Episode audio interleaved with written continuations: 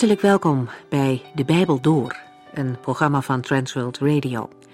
De Bijbel Door is een radioserie die u in vijf jaar meeneemt door de hele Bijbel. Van Genesis 1 tot Openbaring 22.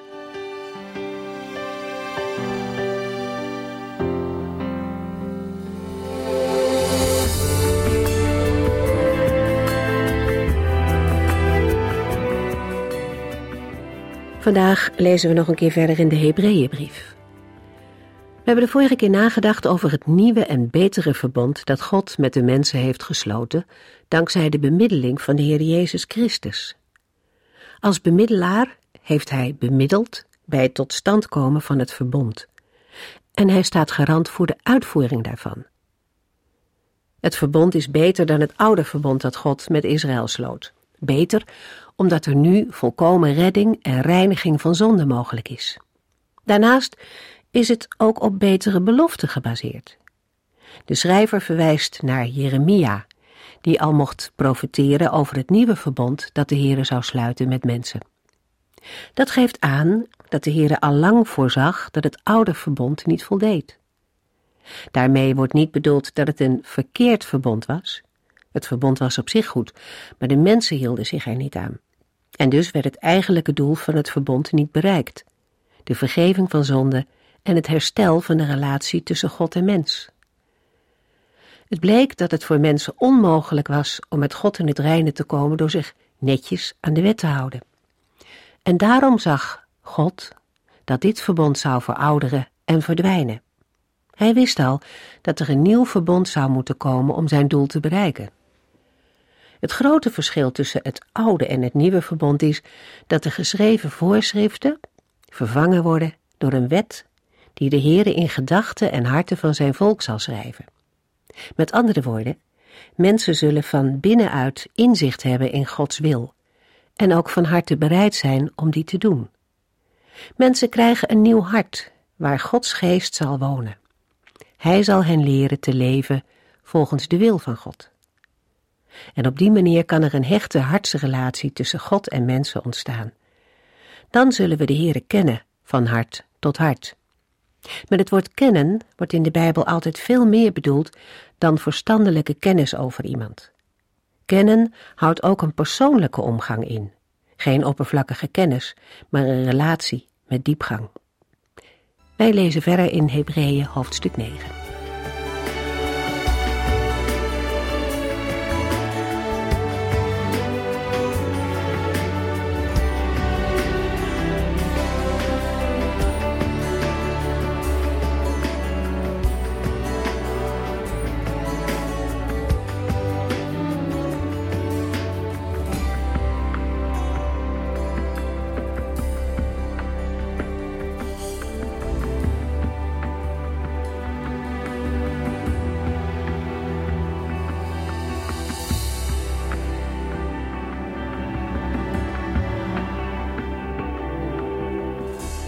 In Hebreeën 9 wordt de vergelijking tussen de instellingen van het eerste verbond en die van het nieuwe verbond voortgezet.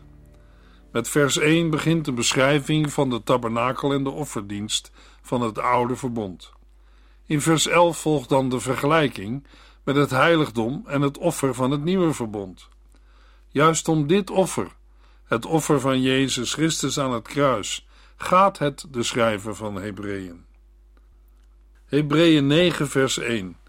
Bij het eerste verbond gaf God de mensen regels waaraan ze zich moesten houden als ze hem dienden in de heilige tent, de tabernakel. Zoals Jezus Christus de dienst verricht in het ware hemelse heiligdom, zo kende ook het eerste verbond bepalingen voor de dienst in de heilige tent, de tabernakel.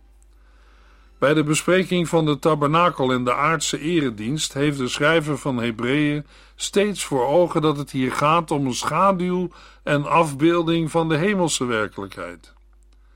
De tijdsbepalingen van de werkwoorden geeft al aan dat de schrijver niet spreekt over de dan nog bestaande tempel, maar over de tabernakel zoals die destijds door Mozes werd ingericht.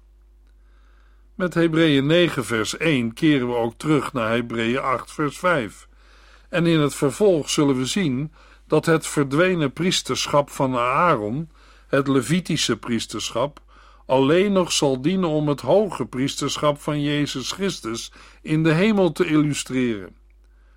We moeten in de oud-testamentische bepalingen, handelingen en dienst van het eerste verbond net zo lang blijven zoeken tot we er de gestalte van Christus in ontdekken.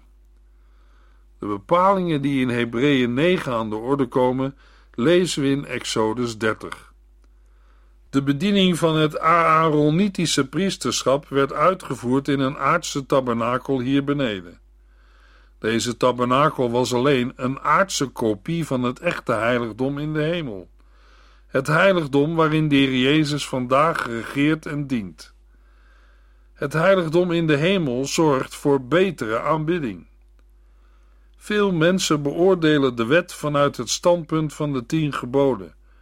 Maar de schrijver van Hebreeën benadert de wet vanuit het gezichtspunt van aanbidding en dienen van de Here, vanuit het priesterschap. Die benadering legt het accent op de verzoening en vergeving van zonden. De schrijver van Hebreeën zal laten zien dat de wet geen weg was om het weer met God in orde te krijgen. In Romeinen 3, vers 20 lezen we: Ook al houdt men zich aan de wet, dan nog gaat men voor God niet vrij uit. Het enige wat de wet doet, is de mens bewust maken van zijn zonde. Want, zegt de schrijver van Hebreeën in hoofdstuk 10, vers 4, het bloed van stieren en bokken kan nooit voor goed met de zonde afrekenen. Wat er bij het eerste verbond wel gebeurde, hebben we in vers 1 gelezen. God gaf de mensen regels waaraan ze zich moesten houden als ze hem dienden in de heilige tent, de tabernakel. Hebreeën 9, vers 2. Deze tent werd in tweeën verdeeld. In het eerste deel kwamen de kandelaar en de tafel met de heilige broden te staan. Dat deel heette het heilige. Bij de behandeling van het heiligdom worden de beide vertrekken van de tabernakel als twee delen of tenten beschreven. Het eerste deel, de voorste tent, wordt het heilige genoemd, en achter het grote gordijn of het voorhangsel vinden we het tweede deel, het heilige der heiligen. De schrijver heeft de eerste inrichting van de tabernakel door Mozes op het oog.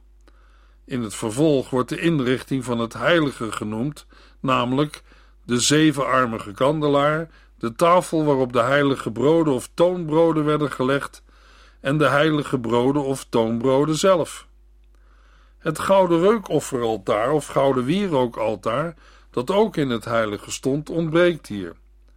Is dat een fout van de schrijver van Hebreeën? Ik denk van niet. De schrijver toont dat hij thuis is in het Oude Testament. Hij was van de inrichting van de tabernakel net zo goed op de hoogte als wij. Iedere Joodse lezer zou hem tot de orde hebben geroepen, omdat beide delen of tenten alleen door een gordijn of voorhangsel gescheiden waren. Het gouden wierookaltaar stond vlak bij dat gordijn, als het ware op de grens.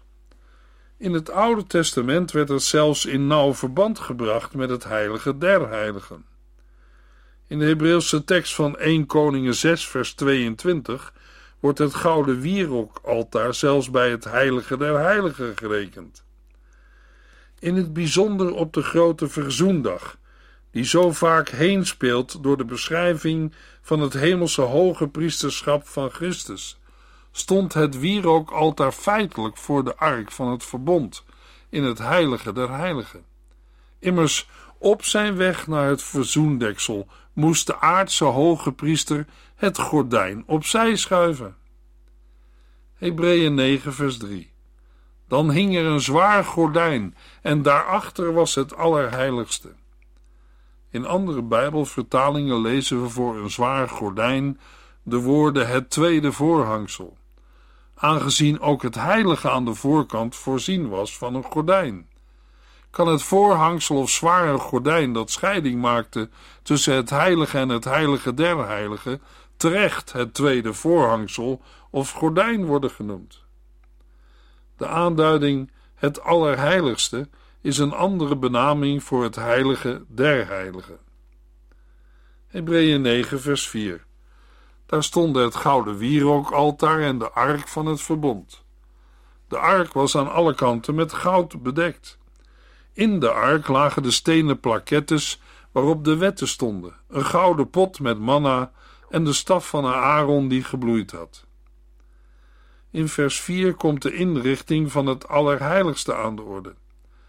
Bij de bespreking van vers 3 gaf ik al aan dat de schrijver van Hebreeën het gouden wierookaltaar laat behoren tot het Allerheiligste. De beschrijving in Exodus 30 geeft aan dat het voor het zware gordijn stond in het heilige. We gaven bij vers 3 al een mogelijke verklaring. Andere Bijbeluitleggers noemen de waarschijnlijkheid dat de schrijver het gouden wierookaltaar tot het Allerheiligste rekent, omdat de geur van het reukwerk door het voorhangsel heen drong en de plaats van de ark van het verbond bereikte. Het offeren van reukwerk wordt in de Bijbel wel in verband gebracht met het gebed, dat ook ongehinderd de Here bereikt. Een beschrijving van de ark van het verbond vinden we onder andere in Exodus 25, Exodus 37 en Exodus 40. In de ark lagen de stenen plakettes waarop de wetten stonden, ook wel de tafelen van het verbond of de twee stenen tafelen genoemd, waarop de Heere zelf zijn wetten had geschreven. Het waren de stenen parkettes waarop de Heere zijn verbond met Israël had vastgelegd. Ze lagen daar in de ark, in het allerheiligste, als een onuitwisbare herinnering aan Gods verbond, maar ook als herinnering aan de schuld van het volk. Vervolgens een gouden pot met manna. Dat deze pot of kruik van goud was, lezen we hier in Hebreeën 9, vers 4, maar niet in het Oude Testament. Ten slotte lezen we over de staf van Aaron die gebloeid had. Beide laatste voorwerpen bevonden zich wel tijdens de reis door de woestijntijd in de ark, maar volgens 2 Koningen 8 en 2 Kronieken 5 later niet meer. Hebreeën 9 vers 5 Over het deksel van de ark spreidden de schitterende gerubs hun vleugels uit. Dat gouden deksel was de plaats waar men God om vergeving vroeg, maar daar zullen we nu niet verder op ingaan. Bovenop de ark lag het verzoendeksel. Het was de plaats waar men God om vergeving vroeg. Het verzoendeksel bedekte de beide stenen plakettes waarop de wetten stonden, voor de blik van Gods rechtvaardigheid. Op het verzoendeksel werd het bloed gesprenkeld, waarover we in het vervolg meer lezen. Het bloed dat het hart van heel de priesterdienst zal blijken te zijn. Over het deksel van de ark spreidden de schitterende gerubs hun vleugels uit. Gerubs die de heerlijkheid van de Heere weerspiegelen. Twee dienende en gevleugelde gestalten die tegenover elkaar staande met hun vleugels het verzoendeksel overdekten. Tussen beide gerubs was de plaats waar de hoge priester op de grote verzoendag het bloed sprenkelde om verzoening te doen voor zichzelf, zijn gezin en het volk. De Gerubs hadden volgens de Joodse traditie de gestalte van gevleugelde jonge mannen. Ezekiel heeft de hemelse Gerubs beschreven, zoals hij die zag in zijn visioenen.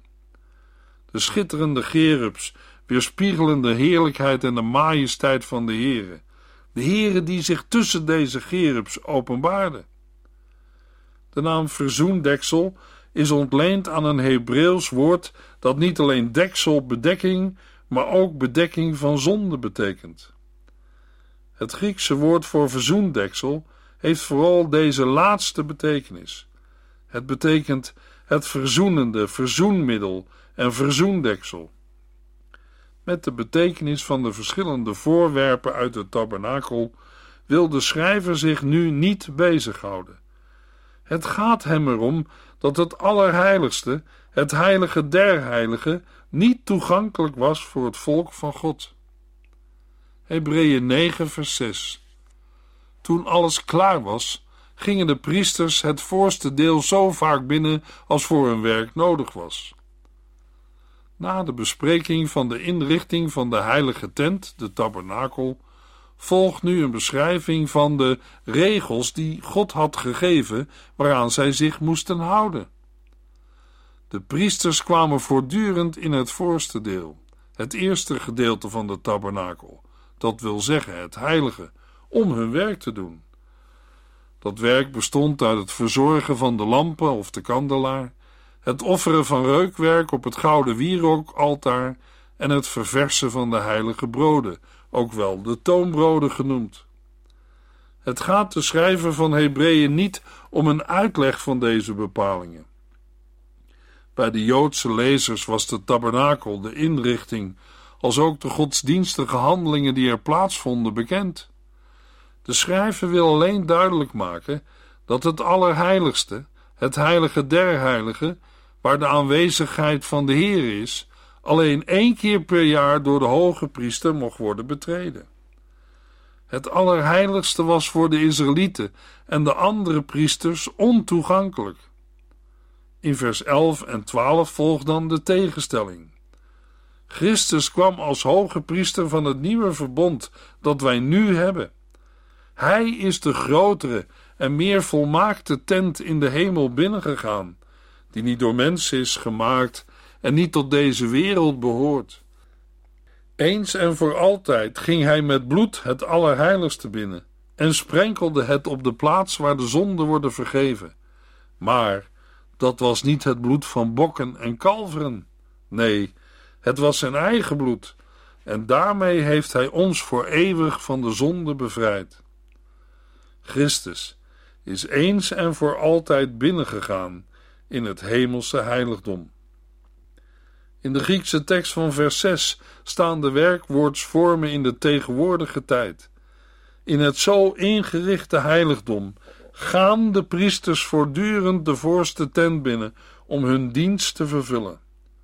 Dit omdat in de dagen van de schrijver van Hebreeën nog een dergelijke eredienst in de tempel van Jeruzalem plaatsvond.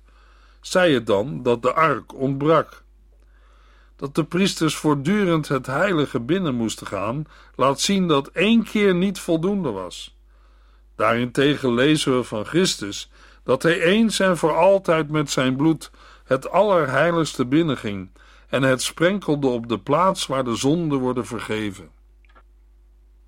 Hebreeën 9 vers 7 Maar in het achterste deel mocht alleen de hoge priester komen en dan nog maar één keer per jaar.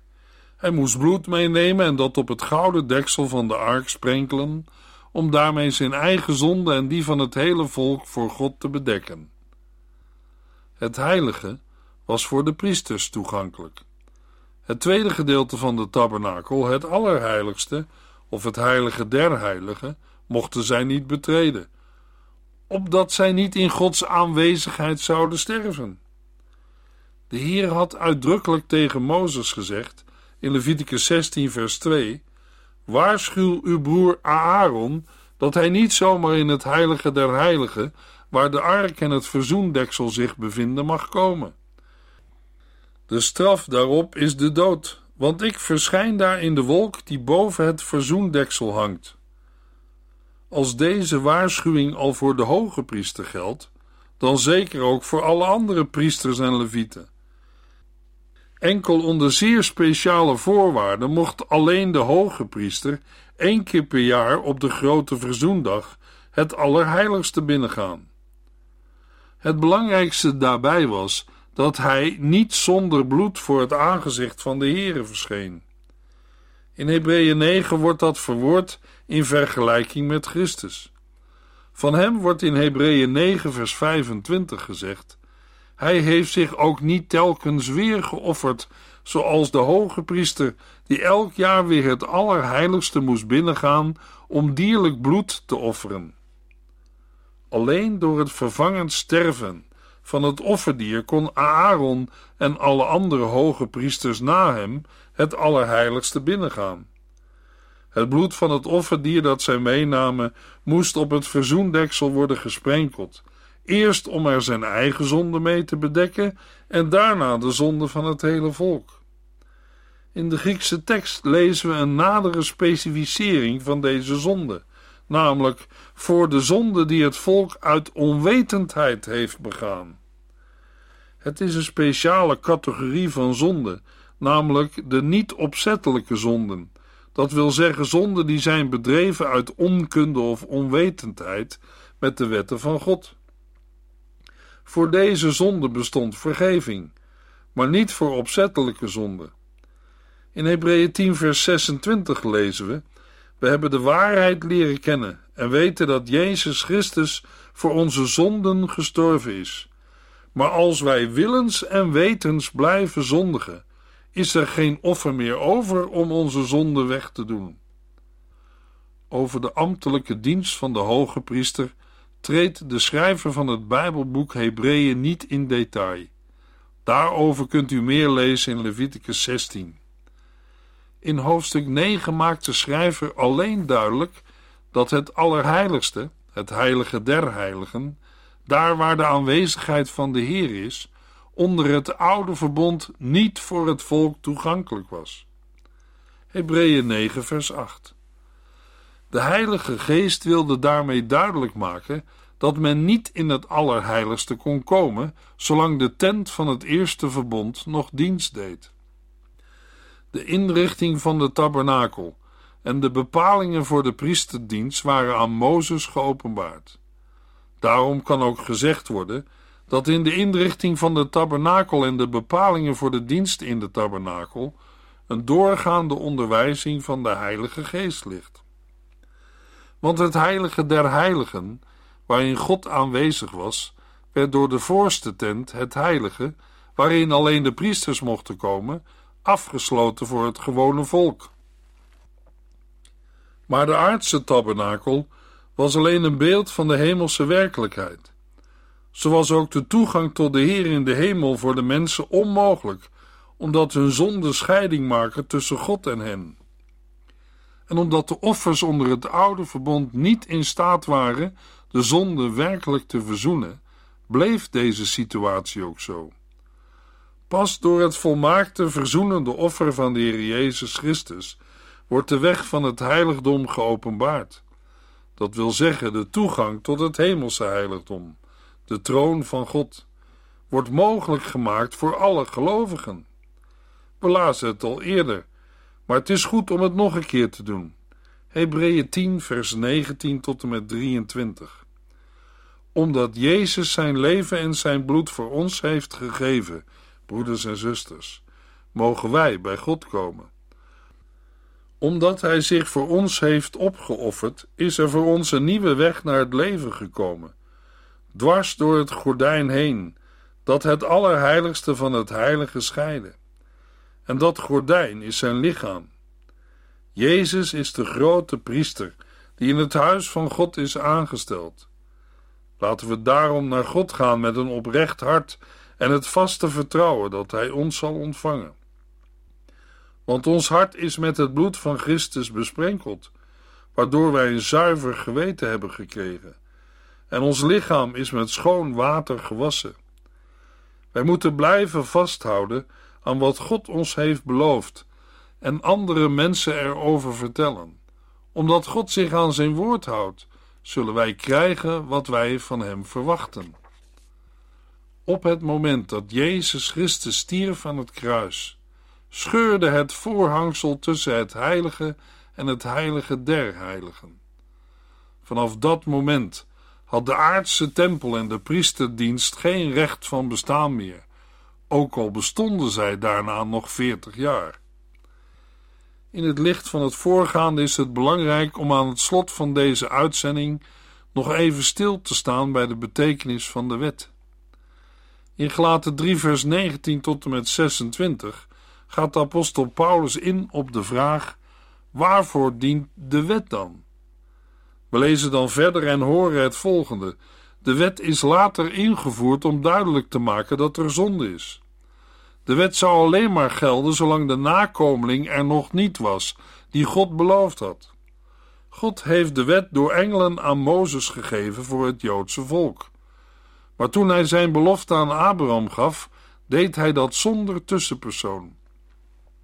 Zijn Gods wet en Gods belofte dan met elkaar in tegenspraak?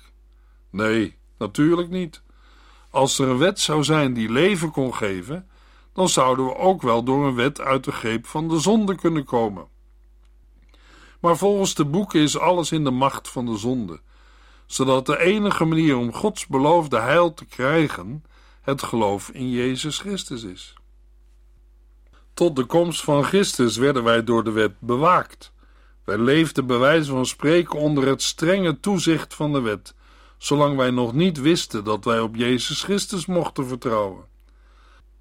Laat ik het anders zeggen. De wet was onze opvoeder totdat Christus kwam en wij door in Hem te geloven recht voor God konden staan.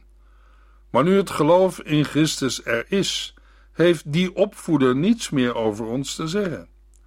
Door het geloof in Christus Jezus bent u allemaal kinderen van God geworden. In Christus is de grote heilshistorische omwenteling gekomen. Het is vanwege hun nieuwe verhouding tot Christus dat gelovigen, Joden en niet-Joden, kinderen van God kunnen zijn. Ze hebben een nieuwe zijnsgrond gekregen, bepaald door Gods vrijsprekende oordeel. Ze zijn in Christus Jezus kinderen van God geworden. Luisteraar, kunt u of jij met volle vrijmoedigheid zeggen: Door genade ben ik een kind van God? Nee, niet omdat u het zelf heeft verdiend, maar omdat de Heere met ontferming over u bewogen was en medelijden met u had. In Titus 3, vers 5 en 6 lezen we: Hij heeft onze zonden afgewassen, ons nieuw leven gegeven en ons vernield door de Heilige Geest, die Hij rijkelijk over ons heeft uitgegoten. En dat allemaal om wat Jezus Christus, onze Redder, heeft gedaan. Bent u door de genade van Christus een kind van God? Over wat de Heer Jezus Christus voor ons mensen heeft gedaan, lezen we verder in de volgende uitzending. We lezen dan vanaf Hebreeën 9, vers 8.